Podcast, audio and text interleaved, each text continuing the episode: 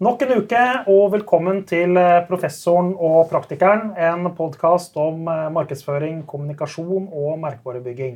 Jeg er professoren Lars Erling Olsen, professor ved Handelshøyskolen BI. Og ved min side står mangeårig bransjeveteran og min praktiker uh, Alf Ikke min praktiker, det var litt feil. Praktikeren Alf Bendiksen i marketing hva heter selskapet igjen? Marketing Best Practice. Ja, sånn du sier jo feil hver gang, ja, men jeg har gitt opp å korrigere. Ja, vi, vi, tar oss inn igjen, og i dag skal vi snakke om fra ukjent til ledende aktør. Og før vi begynner, vi skal snakke i dag om dyrebutikker, så har jeg lyst til å gjøre en presseetisk disclaimer. Jeg jobber på hobbybasis for en svært liten dyrebutikk og hundetrener, så sånn sett så er jeg teknisk sett konkurrent av Erik Skjærstad, som er administrerende direktør i Musti, som er dagens gjest. Finske Musti startet sin første dyrebutikk i Norge i 2016 og var totalt ukjent. I dag, etter eh, seks år, har kjeden nesten en halv milliard kroner i omsetning i Norge. Har over 65 butikker, er aktiv på nett og er kanskje Nordens ledende dyrebutikkjede. Og det stopper jo ikke der. Musti tilbyr også en rekke tjenester som kloklipp og hundespa og hundeskole, og det er en voldsom utvikling på hva Musti holder på med. Og Vi har invitert deg, Erik, fordi vi har lyst til å lære av din suksesshistorie. Hva har du gjort riktig? Hva har egentlig skjedd, og hvordan har du klart å bli så stor og så ledende fra å være helt ukjent?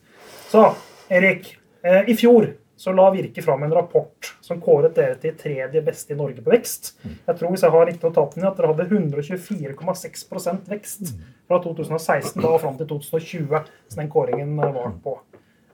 Så er, Hvordan har du lykkes så godt? Kan du forklare det i korte trekk? Nei, jeg kan, jeg kan, jo, jeg tror På den listen du refererer til der, så tror jeg vi låste nummer tre eller fire. Ja, tror jeg. Nummer tre tror jeg det var, ja. ja. Eh, og da, da, må jeg få påpeke da, at uh, ideen i går så lanserte de 2016 til 2021. Oh, ja, eh, og der ligger vi på andreplass. Eh, så, så vi, vi, rykker oppover. Det, det, er veldig gøy. Nei, eh, det er jo eh, et stort spørsmål, da. For det er jo veldig mange ting som går inn i inn i det bildet der. Eh, men jeg tror, eh, hvis jeg skal prøve å svare veldig enkelt på det, så tror jeg det at eh, det, det som imponerte meg veldig med Musti når jeg kom i kontakt med det i Finland i 2015, sent 2015, det var at jeg ble veldig imponert over hvordan dette konseptet så ut. Jeg har gått inn og ut av kjøpesentre i Norge, både som privatperson, men også som retailer da, i veldig veldig mange år. Og hadde ikke sett, sett egentlig dyrebutikk-konsepter som så så moderne og freshe og flotte ut. Eh, så jeg tenkte at dette, her, eh, dette har muligheter i Norge. Mm. Og Så konseptet, opplevelsen i butikk, profesjonaliteten rundt det, det var liksom nummer én. Og det andre jeg så, som jeg heller ikke har sett så veldig mange ganger i varehandelen, var jo det at menneskene som jobbet i det som da heter Musti Amiri i Finland, Musti i Norge, det, det var et utrolig engasjement. Altså, det, det, var en måte å møte kunden på som, ja, som jeg må si at jeg ikke ser så ofte i, i norsk varehandel. Som sikkert har sammenheng med at dette her er jo folk som jobber med det de har lidenskap for. Det er hobbyen deres. Ja, eh, 95% Over 90% av de som jobber i konsernet, har jo kjæledyr sjøl og vokst opp med det. Så, så, når du har konsept, og du har mennesker som eh, både løper fort, men også gjør det med stort engasjement, mm. da, da, kan du få til store ting. Så når vi skjønte at ja, her har vi knekt en kode, det gjorde vi i ja, 2016-2017, begynnelsen av 2017, da skjønte vi at her er det noe. Da, da tråkka vi ordentlig på. På gasspedalen.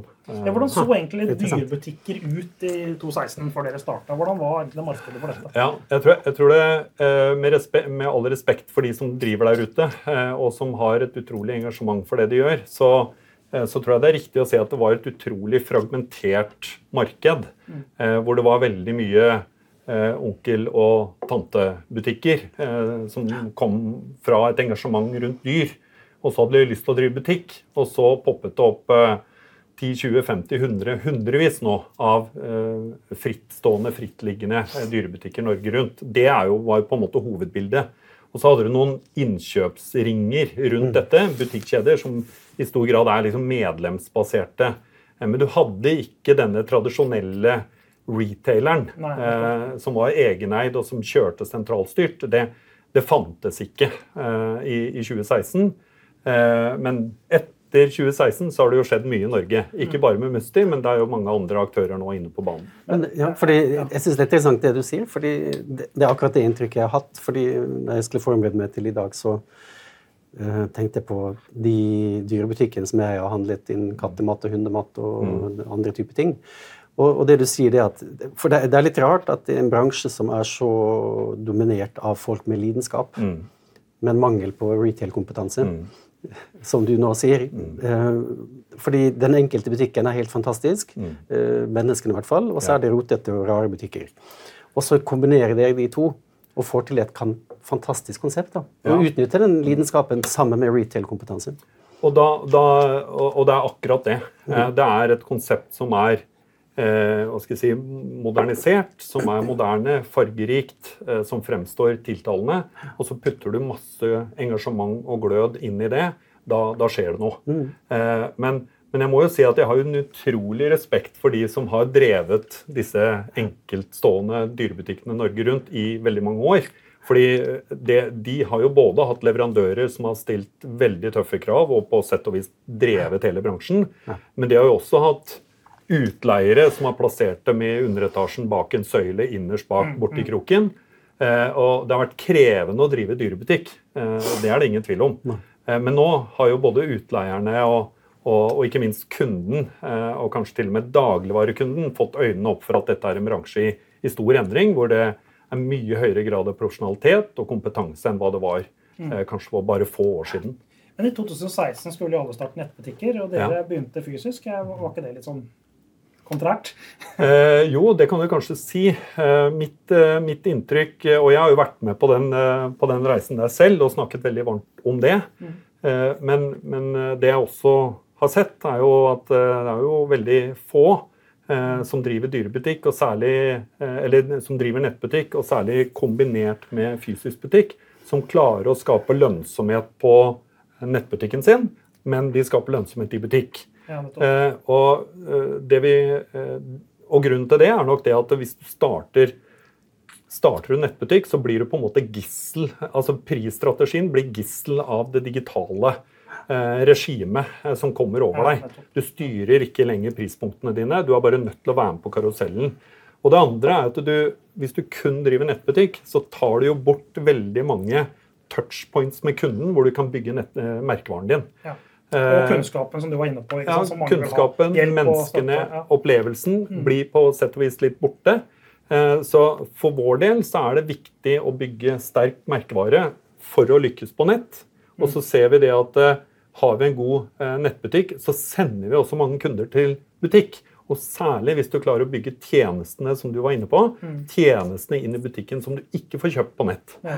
Og så for vår del så vi tror sterkt på fysisk kanal. Vi tror det kommer til å leve i veldig veldig mange år. Eh, og vi, vi sitter ikke og bekymrer oss for dette skiftet eh, til, til online. Det er jo en faghandel?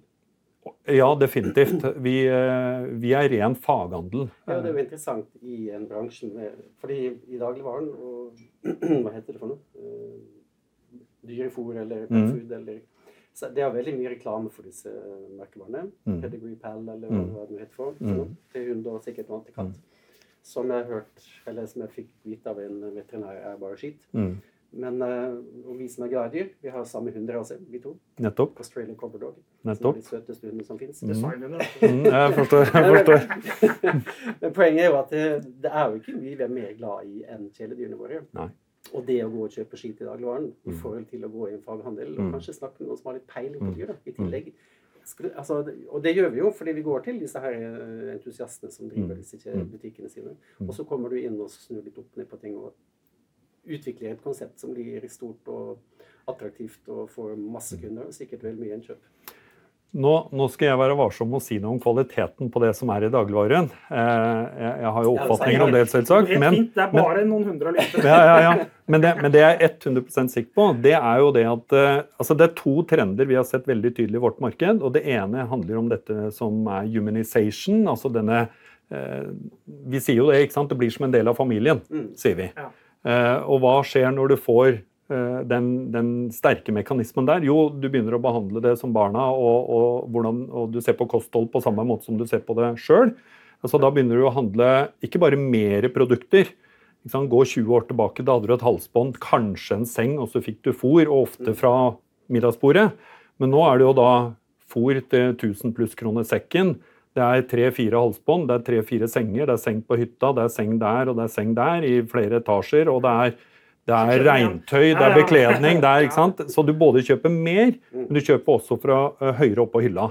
Så humanization og, uh, og, et mye sterkere fokus på kvalitet da, gjør jo det at uh, vi tror at det forklarer også et organisk skifte hvor kunden går fra dagligvare over til de som faktisk kan dette fôret de står og selger. Du kan jo ikke gå til en dagligvare i dag og så begynne å snakke om proteiner nei, nei. På, på, Pedigree Pal. Men selger dere veganfôr til hund? Har dere begynt med eh, det? er noe vi ser på. Ja. Eh, fordi For det, er også en av de trendene som eh, er der ute. Det også jeg har, jeg har, smakt på det. Ja. Det er smaker faktisk Ja, jeg har spist vegansk hundefôr. Ja. Det er faktisk ganske nært uh, potetgull uten salt. Det er ikke så gærent. Det funker helt fint. Det er laget på erter. Erteproteiner. Mm. Dette er jo et segment som har fått veldig stor oppmerksomhet, og ikke minst stor medvind i flere år på rad nå. Så det er klart det foregår en stor innovasjon internasjonalt. Det er både en sånn forestilling om helse, at hunder heller ikke skal ha ja, kjøtt, og så er det selvfølgelig et bærekraftsargument. Ja, ja, absolutt, absolutt. Så skal det sies at å lage det veganske amerikanske hundefôret det er såpass krevende energimessig at jeg er ikke er sikker på om det er så mye å hente der. Men, mm. men uh, det er jo en ting, da. Mm. Spanias største dagligvarekjede, Mercadona, mm. som ikke er stort eldre enn uh, Mustin, etablert på midten av 1980-tallet, tror jeg, de har stort sett uh, egne merker. Mm. Uh, og de har egne merker på mat og på drikke og på husholdningsartikler og petfood. Nettopp. Det syns jeg var litt rart. Eh, da jeg så det. For jeg tenkte Kompi, det er deres eget merke på petfood. Det ja. må jo være fordi at jeg har skjønt at dette er viktig. altså. Ja, eh, vi har eh, Dette er jo en av de tingene som gjør det eh, som gjør meg veldig stolt av å jobbe i dette selskapet. Eh, og, og, noe jeg ble oppmerksom på fra, fra, egentlig første minutt. Og det er at det sitter en veldig dyp og sterk kultur i, i ryggraden på Musti, Musti Group, som handler om velferd og omsorg for dyr, og det å liksom pleie denne relasjonen mellom kjæledyr og eier. Eh, og det betyr, eller det gir seg utslag i at når vi utvikler våre egne merkevarer, eh, så i motsetning til hva kanskje enkelte i dagligvaren gjør, som kun er en marginjakt, så, så bruker vi det vi kan spare av kostnader på å kunne kjøpe bedre råvarer. Eh, og det noen vil jo kanskje kalle det litt dårlig business, men vi ser jo det at når vi investerer i kvalitet, så, så med den kompetente kunden og den kravstore kunden som vi nå har fått i vår bransje, mm. så vinner vi mye på det. Så, så, vi satser jo naturligvis eh, en god del på det. Så det er ikke sånn at det er bare hunden som skal ha det? Det er faktisk det er hunden som skal ha det, og de skal ha fra øverste hylle? Ja, altså, jeg tror, jeg tror, litt av det som kanskje har vært en utfordring i vår bransje tidligere, det er at det, eh, det har vært veldig sterkt fokus på hunden og på katten og på dyra og på produktene. Og så kanskje ikke så mye fokus på kunden. Og vi, vi, har forsøkt å balansere det litt. Så når vi har kunder, liksom alle, alle, våre kunder er velkomne til å ta med kjæledyr inn i butikken. Eh, og, og, det har vi jo mange av hver eneste dag. Eh, vi klipper jo klør på ja, 100 000 kunder eh, i løpet av et år. Du mener, du mener hunder? Ja, hunder. hunder Jeg ble litt bekymret et øyeblikk der. og, og, eh, så vi har veldig mye kunder som kommer inn i butikk med, med dyr. Eh, og det vi ser da, det er jo, eller som vi er veldig opptatt av, det er at vi skal ta imot kunden. Men vi skal gjerne sette oss ned og ta imot hunden først. Men du er nødt til å være like glad i folk som du er i dyr. da, skal du lykkes i vår bransje. Men Jeg er veldig enig i observasjonen. Jeg, jeg, jeg, jobber litt som hundeinspektør, uh, lydighetsinspektør. Ja. Og, og uh, det er jo ikke hunder jeg har på kurs. Nei, nei, ikke sant? Det er jo menneskene ja, ja, ja. Som, er, som, er, mine kursdeltakere. Nettopp. Så Det er jo akkurat samme observasjon som du har der. Da. Ja, ja. Men du, eh, jeg ser jo, jeg skal slippe det med nett ganske raskt med å mm. spørre om noe rundt nett. Jeg har observert at nå gjennom pandemien og etterkant av pandemien så har det mm. dukket opp veldig veldig underskog av små sånne dyrebutikker. som enkeltpersonsforetak nærmest, med, som driver med nettsalg av ulike hunde- og katteprodukter og sånn. Hvordan er det, tenker dere at det er, en, er det et problem for dere, eller eh, hvordan tenker dere rundt det? Ja, det, jeg, jeg syns det er litt for det er, det er, tidlig å si, eh, men vi har også sett dette. Eh, og vi ser det hele tiden. at eh, Når jeg sitter i sosiale medier, så popper det opp nye små nettbutikker hele tiden. Nisjeorienterte. Mm. Og kanskje ligner dette litt på det som skjedde i sportsbransjen for 15-20 år siden. hvor, hvor vi hadde XXL, som kom inn og tok store andeler, og den lokale butikken på hjørnet fikk det, fikk det tøft. Mm. Men etter hvert så ble, også, så ble sport veldig nisjepreget, og det er jo det vi ser nå. Eh, så det er mulig vi er i en tidlig fase av det samme i vår bransje.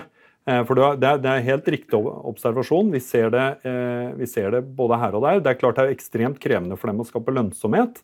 Men, men det, det, må jo være et resultat av at mange nå ser hva denne bransjen har klart å skape da, de siste årene. Denne bransjen er jo kanskje et av segmentene innenfor varehandelen internasjonalt som har fått størst oppmerksomhet og hatt mest medvind de siste årene. Så vi er nok også litt skyldige nå at det popper opp ja, små nettbutikker. Deres suksess skaper underskudd. Ja, kanskje. Men hva med pandemien, da? Det var jo et voldsom økning i antall kjæledyr. og ja. det, liksom, eh, altså, det har selvfølgelig vært en bra ting for dere. Mange som skulle ha mye produkter da under den perioden. Men nå, nå da? Jeg, pandemien er over? Ja, jeg, jeg, kan si aller først da, Jeg husker veldig godt uh, dette, dette, er litt uh, interessant, syns jeg. Jeg husker veldig godt 12. mars 2020. Da fikk vi beskjed om å mm. gå hjem. Mm. og da hadde vi et lite krigsråd på kontoret hvor vi bare bestemte oss for at vi må gjøre dette og dette og dette. Og vi må permittere, vi må kutte åpningstider. Vi ringte utleiere. Kan dere kutte åpningstider? Vi må gjøre alt vi kan nå for å, å ta vare på kostnadene og, og være varsomme. For nå, nå, kommer, eh, nå, nå blir det mørkt. Nå blir det mørkt. Mm. Jeg tror det gikk fire eller fem dager. Da hadde vi 60-70 mennesker, 50-60 mennesker permittert. Eh, vi ga beskjed til butikkene om at nå måtte vi gi fra oss nøkkelen i døra. Vi drev alle butikkene våre i Norge med én person eh, per butikk eh, til enhver tid. Alt for å bare strupe og være varsomme. Fire dager gikk det, og så bare satt vi og så på salgstallene. Hva i all verden er det som skjer? Hvorfor stiger omsetningen så voldsomt? Og sånn var det i to år. Eh, så vi måtte få folk tilbake så fort som overhodet mulig. Og, Fikk mye støtte fra myndighetene? Eller? Eh, det, det, det, var lite av det. Eh, og, og, det er lite strømstøtte også, må jeg, må jeg nevne. Så, men så ser vi jo nå at når vi i år var ferdig med det som for oss er første kvartal, da, oktober, november, desember, så, så så vi et stemningsskifte. Eh, og vi ser jo at dette påvirker oss nå. Vi er fortsatt like for like positive, det må jeg si. Så vi har fortsatt solid vekst mot i, eh, mot i fjor. Men, men, vi ser en annen kjøpsatferd. Så vi ser kunden kommer og kjøper det de må ha, og så kjøper de litt mindre av det de ikke må ha. Så fòromsetningen vår er veldig solid og god. Og så selger vi kanskje litt mindre senger. Litt mindre av disse nice to have-tingene. Eh, det er ikke så mye gjenkjøp av det, da, vet du. fordi Nei, ikke sant? det er sjelden, sjelden kjøp i tillegg. da. Så, eh, men, det, men, det, er en ganske tydelig trend vi ser der. Mm. Så det mangler egentlig ikke på kunder, men, men snittsalget er, er noe eh, volatilt, da, for å si det, si det sånn. Mm. Men fuglemat kan dere ikke? Hva? Fuglemat? Nei, det, jo, vi har noe av det også. Jeg, jeg, noe, om dere skal kjøpe fuglemat til fuglen i hagen min. og da måtte jeg gå på Meny. Ja, ja, ja, den, ja, den, den type Nei, det, det, er vi tynne på.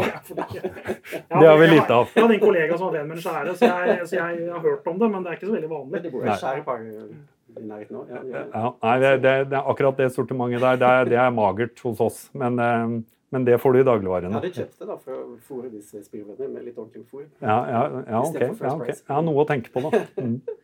Men du snakket om dette med tjenester. Mm. Uh, og Det er jo en interessant sånn, nesten sånn bransjeglidning overalt. Mm. Optikere begynner med synsundersøkelser, mm. og apoteket begynner med vaksinering. Og, ja. og, dere driver med kloklipp og mm. hundespa, og hundeskole har jeg også registrert det siste. Ja. Ja. Er, det, er det vekstnæringer for dere, eller? Ja, det blir mer en butikk? Jeg, jeg tror For oss så er, det, så er det to ting. Eh, det ene er jo at dette innenfor vår verden så er dette Eh, kanskje den hva skal jeg si, varekategorien som vokser aller mest internasjonalt. Så tjenester, eh, hva skal jeg si, hundefrisør, grooming, som, som det heter det språket der, eh, det vokser voldsomt. Eh, og i Norge har vi ikke kommet så langt på dette. Det å være hundefrisør er jo ikke et anerkjent yrke i Norge som det er i Sverige og Finland. Mm. Eh, og lenger eh, sør i Europa så er det jo store salonger. Eh, og, og, Med prestasjonsordninger, vet jeg også. Ja, helt riktig. Mm. Så, så, der er det veldig stort, og vi har et stykke å gå der. Vi har Vi har 18 spa-avdelinger nå. Vi kaller det spa. Spa og velvære, eh, hvor du kan komme inn. Du kan få vasket, fønet, klipt, stylet, eh, klippe klør. Tar bare rett og slett en full, eh, full service. helvass, full, full service, service på bikkja. Ja, og, og, vi ser at dette eh, vokser voldsomt. Et av våre problemer nå er at det er så lange ventetider at, at det nesten slår tilbake på oss. Eh, så, så, vi jakter hele tiden nye muligheter for å åpne flere av den type salonger. Dette gjør vi fordi at uh, det, er voksende, det er et voksende marked, og det er en voksende business. Men det er én årsak til, og som kanskje er enda viktigere for oss. De aller beste kundene vi har i butikken, det er de som også er kunder på tjenester. Så de som kommer til oss og bruke spaet vårt. Her, altså. ja. Og klippe klør, eller gå på hundetrening, eller ikke minst er med på noe som vi har veldig suksess med, som er en sånn valpetreff, valpefester. Eh, hvor du kan ta med deg valpen din og sosialisere med andre. Er det kake? Det er helt, det er helt, det er helt fantastisk. Må være med på det en gang.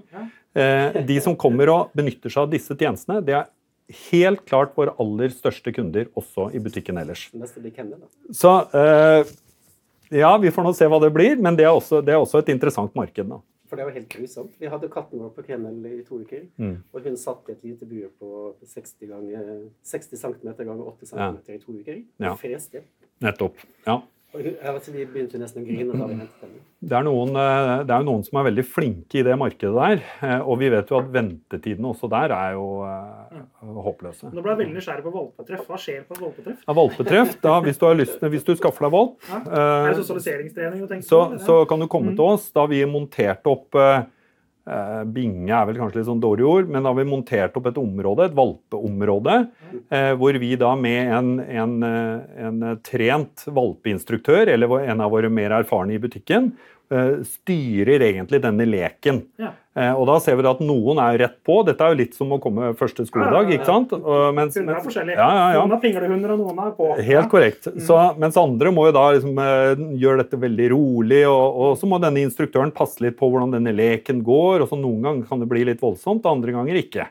Eh, og, og så holder de på. Det kan være vi hadde en gang et valpetreff i Sandefjord. Da tror jeg det var 50-60 valper som dukka opp. og Da mista vi, vi, jo nesten kontrollen. Ut, ja. ja, så, men det er utrolig populært. Vi har butikker nå som kjører hver eneste måned eh, hele året. Og det er kunder som liksom planlegger ukene sine etter når det skal være valpetreff hos Musti. Ja, Veldig sansen for det i forhold til det å sosialisere på andre raser og bli godt kjent. Altså, det, er, det, er, ikke dumt. Altså. Det er en veldig god idé. Ja, også, også, Men det er, ikke, det er, ikke, et kurs i seg selv, det er egentlig bare et treff. altså Et leketreff. Ja, det er, det er, et, treff, og så er det litt sånn samtale med instruktør, og det er, li, det er et lite sånn opplæringselement i det. Eh, men, men eh, vi vil jo helst at kundene da heller kommer på hundeskolen vår, som er som, som, er noe nytt vi har lansert. Vi, vi, kjørte de første kursene nå for 14 dager siden. Så, så, nå har vi ti butikker i gang, og så skal vi opp på 20 nå uke, fra uke 41. Mm. Og så ønsker vi å rulle dette her hvor vi driver, hvor vi tilbyr valpetrening ja. og kurs, da, seks kurskvelder. Eh, I så mange butikker som mulig eh, over hele landet. Men Valpetreff, tar dere betalt for det da? Er valpetreff er, er helt gratis. Ja, Det er for å komme i butikken, liksom? Ja, ja det er valpetreffet. Det er for å og, og, skal, og sosialisere og knytte bånd og skape relasjoner til butikken. Eh, og, og vi, vi, må huske på at det er lett for oss å holde på med dette. For disse kundene som dere sikkert kjenner dere igjen i, dere er jo litt sosiale, liker å vise fram kjæledyra sine. Eh, og, og, det å få litt ros og litt skryt av hvor flott denne hunden eller denne valpen er. Eh, vi har mange kunder som kommer bare av den grunn til butikken. Så Eh, det, det, er på en måte et sosialt element mm. i dette. Det er et sånn omsorgselement som gjør at det å komme på noe sånn er bra for valpen, men det er bra for eieren. Det er hygge. Ikke sant? For råd og tips, og ja, det, er noe der. Ikke minst for dere. Det, det, det, fungerer bra. ja, men Du må jo komme tilbake om to år og fortelle hva som skjer, for dette er jo kjempegøy. Mm, ja, det er veldig veldig gøy, og, og det, er, det, er, fantastisk å se det derre Og så skal vi huske på da, ikke sant, at 92 eller 93% av de som jobber i Musti, de har kjæledyr. Mm. Eh, så, så, jeg har ikke kjæledyr. Ja. Det, kan man bli administrerende direktør i Musti uten kjæledyr? Ja, og det lurte jeg på.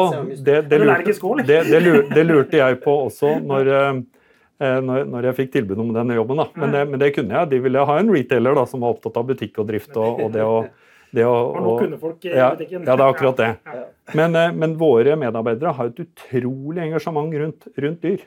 Altså, så, og den kunnskapen de har, og det engasjementet de har, det er Jeg tar meg ofte i det at jeg blir inspirert av dem og veldig motivert av, av hvordan de fungerer, og hvordan de snakker og det engasjementet de viser hele tiden.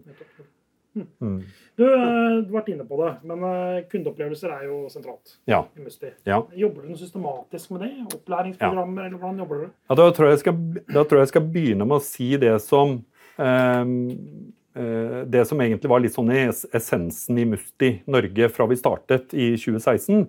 Vi satt sammen en gjeng eh, senhøstes 2016, og så skulle vi forsøke å definere hva er det vi ønsker at Musti skal være i markedet. For da hadde vi jo vært rundt i Norge og sett, og vi syntes servicen var litt sånn. sånn. Eh, og så syntes vi butikkopplevelsen var litt eh, tvilsom enkelte steder. Så vi, vi, ønsket jo å skille oss ut gjennom å være ekstreme på kundeservice og være ekstreme på butikkopplevelse. Nettopp for å skape eh, distanse mot, mot, de andre. Og, Da er det jo lett å begynne å tenke sånn, ok, nå må vi definere verdigrunnlaget vårt. Vi må ha noen visjoner, vi må ha noen misjoner, og vi må liksom følge den løypa der. Og så, Jeg husker veldig godt den kvelden så, så diskuterte vi dette, hvor, hvor, vi egentlig konkluderte med at alle de som har vært med på de der prosessene der, som ender med noe verdigrunnlag og noen holdninger beskrevet på noen vegger og henger i noen fine rammer og sånn, jeg har aldri sett det virkelig nå kunden. Amen. Amen.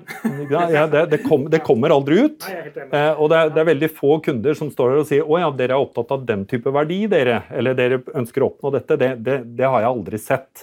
Så det vi sa, det er at vi legger alt det til side, og så skal vi fokusere på én ting, og det er glød. For glød er engasjement, glød er kundeservice, og glød er tempo. Eh, og hvis vi kan lykkes med det, hvis vi kan etablere dette begrepet glød, da, som ble vårt på en måte viktigste kulturelle symbol. Eh, hvis vi kan få det ut og få våre medarbeidere til å skjønne hva det betyr, og kjenne på gløden, og, og ikke minst få våre kunder til å kjenne gløden som kommer fra oss. Hvis vi kan få til det, da, da har vi lykkes. Da har vi fått til noe, da har vi klart å flytte et ord og skape aktivitet og mening i det ordet der ute. Så det var egentlig planen som vi satte oss med, med og, og bestemte oss for i 2016. Så vi snakker glød, vi kommuniserer glød, vi prøver å rekruttere glød i alt vi gjør. Eh, det er ikke noe ord vi bruker mer. Ikke, jeg tror ikke jeg har hatt en samling eller et møte hvor vi ikke snakker om glød. Nei. Eh, og det er litt av poenget. Skal dette sette seg, så må du snakke om det hele tiden. Du må være tydelig på hva det betyr. Du må vise glød i oppførsel, i måten du snakker på, i måten du skriver en mail på, og ikke minst hvordan vi jobber med våre kollegaer og medarbeidere ute i butikk. Kanskje det viktigste er at det er enkelt. Det er ett ord. Ja, det er enkelt. Det er fem, seks, alle, alle, forstår hva det betyr. Mm. Eh, når, jeg, når, jeg, sier glød til dere, så skjønner dere at det handler om engasjement, det handler om lidenskap. ikke sant? Eh, og dette måler vi jo hele tiden. Ukentlig så kjører vi jo våre NPS-målinger på kundeservice. Eh, vi ligger der konsekvent eh, mellom 70 og 80, som internasjonalt er et veldig høyt nivå. Og én ting er jo de kundene som kommer dit og så Nei, jeg var utsolgt på det produktet, ja, det var ikke helt bra. Eller at jeg fikk ikke den produktet så fort på døra som jeg skulle ønsket. Men hvis du viser glød, og de opplever glød, så tror jeg du blir tilgitt veldig mye. Mm. Eh, og hvis det er et spørsmål du ikke kan svare på, for der kommer kunder og stiller spørsmål som du nesten ikke vil tro, OK, viser du glød, så unnskylder kunden deg hvis du ikke kan svare. Også, også det å bry seg, fordi Det er ikke tull at jeg var inne hos dere og skulle ha mat til nei, nei. mine fugler. Altså nei. ikke mine fugler, da, men de som flyr rundt der jeg bor. Uh, og så sier hun uh, bak disken at uh, det har ikke vi, men det har den på Meny, og det står like ved kassa. Ja, nettopp. Det husker jeg nå. Ja. Og det er jo, da bryr du deg, fordi noen mm. vil jo si altså enkelte jeg kommer til, så spør jeg har dere sånn og sånn og sånn. Mm. Ja, det er jeg ikke sikker på. Så sier jeg mm. kan du finne ut av det, da? Mm. Jeg har ikke på lager. Nei, men det sier jeg ikke sikker på om vi har det, for det er en lørdagshjelp som ikke helt vet. Og så er det sånn, da er du ferdig. Mm. Det bryr seg ikke. Nei. Jeg har ikke noe drivkraft. Men det å få denne kun den drivkraften som de har for dyra sine, mm. det må jo være fantastisk. Da. Jeg skulle ønske vi hadde hatt en halvtime bare til å snakke om det der. Eh, fordi de opplevelsene som vi vet at våre kunder har i butikk, og som våre medarbeidere, våre herlige butikksjefer, viser hver eneste dag eh, Jeg har jeg har så mange historier om kunder som har kommet tilbake og sagt eller gjort det ene og det andre mm. i takknemlighet overfor måten de jobber på ute i butikk. Så det er veldig veldig få ting med Musti. Jeg er stolt av at vi vokser så fort. Jeg er stolt av at vi holdt på å vinne årets butikk på kjøpesenterkonferansen. Årets butikkjede. Men det jeg er aller mest stolt av, det er jo den stemningen som er i laget vårt. Mm. Så når vi har en samling, så så, så, så, vil jeg mene at du kan kjenne litt på gløden i det rommet. da. Mm. Det er en stemning og, og, det er en lidenskap. Vi skal huske på det, ikke sant? Vi får veldig mye gratis når vi ansetter folk som har dette som hobby. Ja, ja, dette er ja? Og, så sier, og så sier jeg litt fleipete av og til at det er lettere å være glad i en, valp, i en valp enn å være glad i en tørketrommel.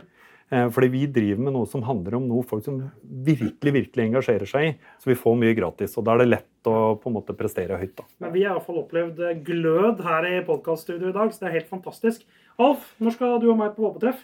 Nei, altså, jeg er jo allergisk mot både hund og katt. Ja vel. Så, så jeg klapper jo aldri en fremmed hund. Nei, nettopp, men det, det, som skjer da, det er jo at alle hunder setter seg ned ved siden av meg. for ja. det er som er gærent med ja, den, ja, du så, blir veldig interessant da, selvfølgelig. Interessant. Mm. Så, nei, så hvis jeg går på valpetreff, så blir jeg nok nedrent av valper, tror jeg, som skal sitte ved siden av meg. Det er koselig. ja, det er jo det. Du, fantastisk å ha deg i studio. Erik Ringen Skjærstad, administrerende direktør i Musti. Dette har vært en veldig spennende og morsom samtale. og skal ikke se bort fra at vi inviterer deg tilbake på et senere tidspunkt for å høre hvordan det går, eh, går videre hos dere. Gjør det. Og til deg som så på, takk for at du både så på eller lyttet til eh, episode av Professoren og praktikeren. Husk at du må følge oss på den eh, plattformen som passer deg. Det er ganske viktig. Og en ting til. Hvis du har noen ønsker eller tips om folk eller temaer som Alf og meg skal snakke om her i studio, så må du gjerne sende oss en mail om det. Og du finner mailadressene til Alf eller meg eh, veldig enkelt ved å google navnene våre. Takk for at du lyttet på eller så på, og vi ses igjen ganske snart med en ny episode av Professoren og praktikeren. Voff, voff. Voff, voff, ja.